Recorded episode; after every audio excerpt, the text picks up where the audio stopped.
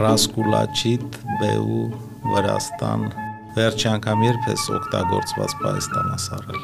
Ուզում էի առնել, բայց չգտա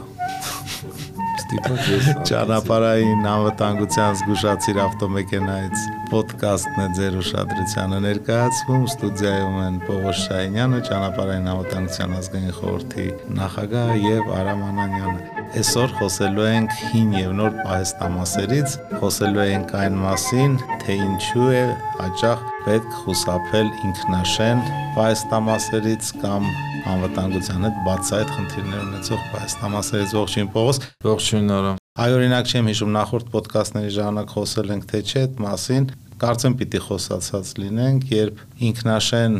արգելակման համակարգը Միացյալ Նահանգներում վթարի պատճառ էր դարել այ ինչ պիտի հաշվի առնենք ավտոպահեստամասեր ընտրելիս։ Շատ արդիական խնդիր է։ Սկսենք դրանից, որ յուրաքանչյուր մարդ բնականաբար ձգտում է առնել ավելի մատչելի եւ էժան պահեստամաս, բայց իհարկե հաշվի առնելով անվտանգությունը։ Խնդիրը նրանում է, որ մենք երբ որ գնում ենք շուկայից, գնում ենք շուկայից ձեռք բերելու որևէ ապրանք, մենք ենթագիտակցաբար վստահում ենք, որ եթե վաճառվում է ապրանք, ապա այդ ապրանքը արդեն իսկ անվտանգ է։ Ինքը կարող է լավ բրենդի, այսինքն երբ մենք խոսում ենք Թայվանում արտադրված թե այլ երկրում Չինաստան մարտված թե Գերմանիա մարտված, մենք խոսում ենք զուտ որակի մասին, այսինքն ավելի երկարաժամկետ կծառայ, թե ավելի կարճաժամկետ։ Եվ քաղաքացին ընտրում է այդ տարբերակը, եթե վճարում է շատ, ապա դա կարող է երկար ծառայել, եթե, չգիտեմ, այլ երկրի արտադրությունը, ապա ավելի քիչ ծառել եւ կատարում իր որոշումը, բայց դե կա կարևոր հանգամանք։ Քաղաքացին կամ սպառողը վստահությունը, որ ապրանքը sense-նից ինքը ապրանք է, այսինքն դե որևէ խնդիր ինքը չպետք է ունենա անվտանգության հետ, բայց վստահությունը այստեղ կառավարության հանդեպ է բայց ցավոք այսինքն ինչ կապ ունի պայեստամասը եւ կառավարությունը դե տեսեք շատ լավ շատ լավ հարցեր Արամ ջան, խնդիրը նրանում է, որ կա շուկայի վերահսկողության մարմին, ցանկացած երկրում, ինչպես նաև Հայաստանում բնականաբար, բայց այս գործառույթը այդ հիմնարկի մեջ չկա իմ իմացությամբ չկա, այսինքն շուկայի այս հատվածը կարգավորված չի ընդհանրապես։ Այսինքն դու կարող ես այսօր ներմուծել ցանկացած ապրանք, ցանկացած մատակարար, ցանկացած, չնեմ, ձևի մեջ, բայց չկա որևէ սերտիֆիկատ, որը կապացուցի, որ այս ապրանքը անցել է որոշակի ստանդարտներ։ Բացարձակ գոյություն չունի։ Եվ այսօր երբ որ դու ձեռք ես բերում, չգիտեմ, ամորտիզատոր կամ արգելակման համակարգ, Միշտ բրենդային անուններ են, որոնք որ ոչ ոքին ծանոթ չեն։ Արտադրված է գրված է Թայվան, բայց դու համոզված ես, որ դա Թայվանում է արտադրված, որովհետև բացարձակապես որևէ հետքով դու չես կարող գնալ։ Նույն Ռուսաստանի արտադրությանը շատ տարբեր կան Ռուսաստանի, որը եւս կասկածել է, դա արդյոք Ռուսաստանում է արտադրված, թե արտադրված է Չինաստանում, Ռուսաստանի անվան տակ։ Բայց քանի որ շուկան չի կարգավորված, այս ամենը մենք տեսնում ենք եւ լիքնա։ Եվ ստեղից գալիս է նաեւ այն վտանգը, որ դու ձեռք ես բերում իմանալով, որ սա, չունեմ, գերմանական է, հա, բայց իրականում դա գերմանական չի, ուղղակի անունն է հետը տարբեր ուզում հիմա գովազ որպես հնչի բրենդերի անունները տալ, բայց խնդիրը տեղն է, որ դու կարողանում ես հասկանալ մոտավորապես վճարելով 10 պատիկ ավելի թանկ, նոր կարող ես մտածել, որ դա օրիգինալ է։ Բայց դա ընդհանրապես ենթադրություն է։ Դա ենթադրություն է բնականաբար, որովհետև մենք բոլորս գիտենք, որ կախված է ինչպես ես դու մատուցում, ինչ սիրուն գեղեցիկ խանութ ես մտե, դրանից էլ գալիս է, ասենք, չեմ, սպասարկման ձևը եւ այլն, որ նաեւ թե որքանով վաճառողը կամ ներմուծողը բարեխիղճ է ստեպքում, որովհետեւ Իհարկե, իհարկե, եւ այսօր շուկայում եթե դու ուզում ես բնականաբար դա նորմալ է, ես անձամբ ես եմ նաև որոշ բաներ կա որ օգտագործում եմ ձեռք եմ բերում ունակ երկրորդական շուկայից, հա, բայց այն մասերն են, որոնք որ վտանգ չեն սպառնում Այսինքն դրա համար վճարել կամ թեկուզ գործարային դեռ արդեն չեն արտադրում, դու ստիպված ես գնալ երկրորդական շուկա, դա նորմալ գործընթաց է։ Դրա դեմ ոչ ոք չունի, բայց երբ որ դու ձեռք ես բերում արկելակման համակարգ երկրորդական շուկայից, ձեռք ես բերում, չգիտեմ, այլ ցանկացած մաս, որը որ կարող է սպառնել քո կյանքին եւ քո քո ուղևորների կամ հետիոտների կամ այլ ճանապարհից օգտվողների կյանքին դա արդեն անթույլատրելի է, բայց այդտեղ ցավոք ոչ թե քաղաքացին է մեղավոր, այն շուկան վերահսկված չի։ Այստեղ խնդիրը այդտեղ է։ Մենք խոսեցինք նաև որ Օրինակ, օրինակ, այս պարագայում մեր հարևան պետություններում կամ ԵԱՏՄ պետություններում իրավիճակն ինչպիսինն է հարևան երկրում։ Տեսեք, այնտեղ այնտեղ էլ կարգավորված չի, բայց ասեմ ինչու։ Վրաստանում կա տրամաբանություն ինչու կարգավորված չի, որտեղ այն մեքենաները, որոնք որ կան Վրաստանում, Վրաստանը փորձում է ձերբազատվել հին մեքենաներից եւ տալիս է հնարավորություն, որպեսզի երկրորդ շուկան ստեղծվի մասերի։ Եվ դրա համար մենք մեզ համար շատերիս համար հայտնի է, որ այն մի քանի շուկաներ կա նույն Թիվլիս քաղաքում, որտեղից բոլորս գնում ենք եւ ձեռք ենք բերում այն մասը, որը կուզենանք ցանկացած թվի արտադրության մեքենայի։ մի մասը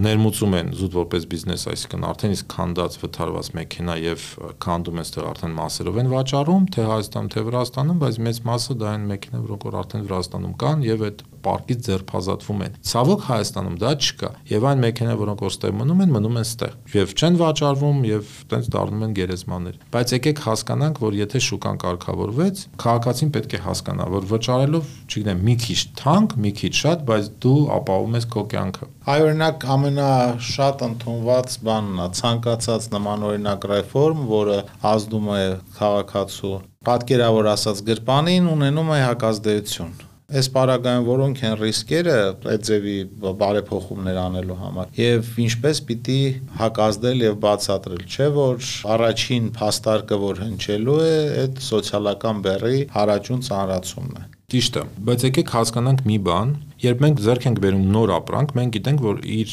գործունեությունը ավելի երկար է այդ նոր ապրանքը եւ դու որևէ ներդրում չես անում մոտակա 2-3 տարին առնվազն, եթե ոչ ավելին, հա, նույնը վերաբերում է հերոստացույցին, նույնը ցանկացած տեխնիկային։ Երբ որ ձեռք ես բերում երկրորդական շուկայից, դու պատրաստ ես, դու վճարում ես քիչ, բայց դու պատրաստ ես սպասարկման որոշակի ծախսեր կատարել։ Հիմա նույնը վերաբերվում է ավտոմեքենային։ Երբ դու ձեռք ես բերում 10 տարվա մեքենա, դու ձեռք ես բերում բնականաբար ավելի էժան, բայց դու յուրաքանչյուր տարի սպասարկման վրա այդ մեքենայից ասում ես գումար։ Հիմա տեսեք, եթե ստեղելի ենք մենք անդրադառնում կառավարության մոտեցմանը։ Եթե մեզ համար, երկրի համար պրիորիտետը պարկը փոխելը, ապա պետք է մենք նպաստենք որոշ տեղում նաև դոտացիաներով, որպիսի պարկը փոխվի։ Այսինքն տալ քաղաքացուն հնարավորություն ձեռք բերելու նոր մեքենա։ Օրինակ, յուրաքանչյուրս գիտենք, որ ցանկացած բրենդի նոր մեքենան սպասարկումը միայն յուղ փոխելն է։ Համտոս միջև 3 տարի, նաև գործարանը երաշխիք կա, գրեթե բոլոր մեքենաները գործում են միջև 3 տարի շատ քիչ դեպքերում որ 2 տարի է։ Եվ եթե մենք հաշվի ենք եւ քաղաքացին եւ եթե կարողանա վճարել մեքենայի մաքսը,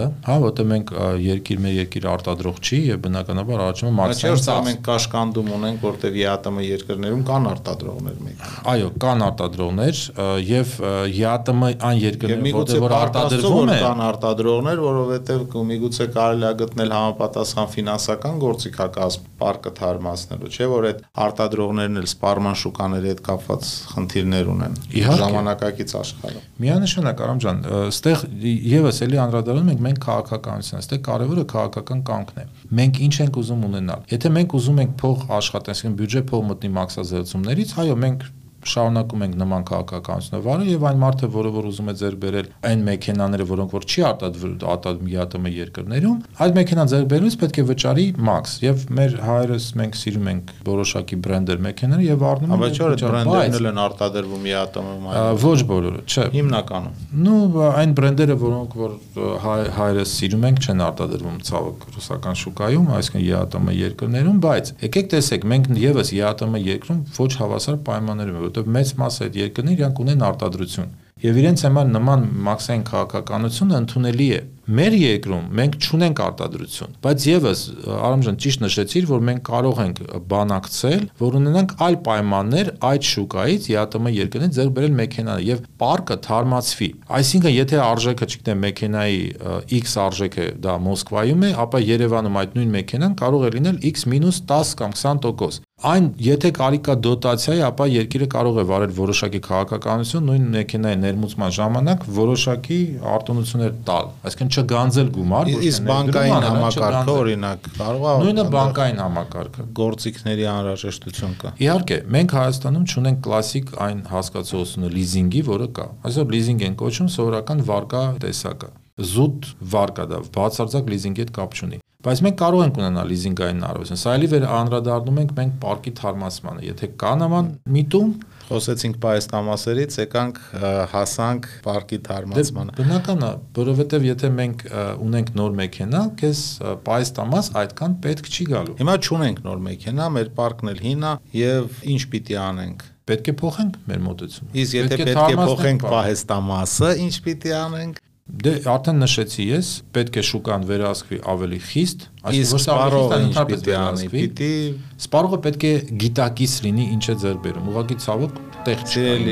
Հետևորդներ մաղթում ենք բոլորիս գիտակցություն, անխափան մեքենաներ եւ նոր պայստամասեր։ Ճանապարհային անվտանգության զգուշացիր ավտոմեքենայից ոդկասթներ ձեր ուշադրությանը ներկայացված ստուդիայում էին Պողոս Շահինյանը եւ Արամ Անանյանը։ Minç Nurhan Handik.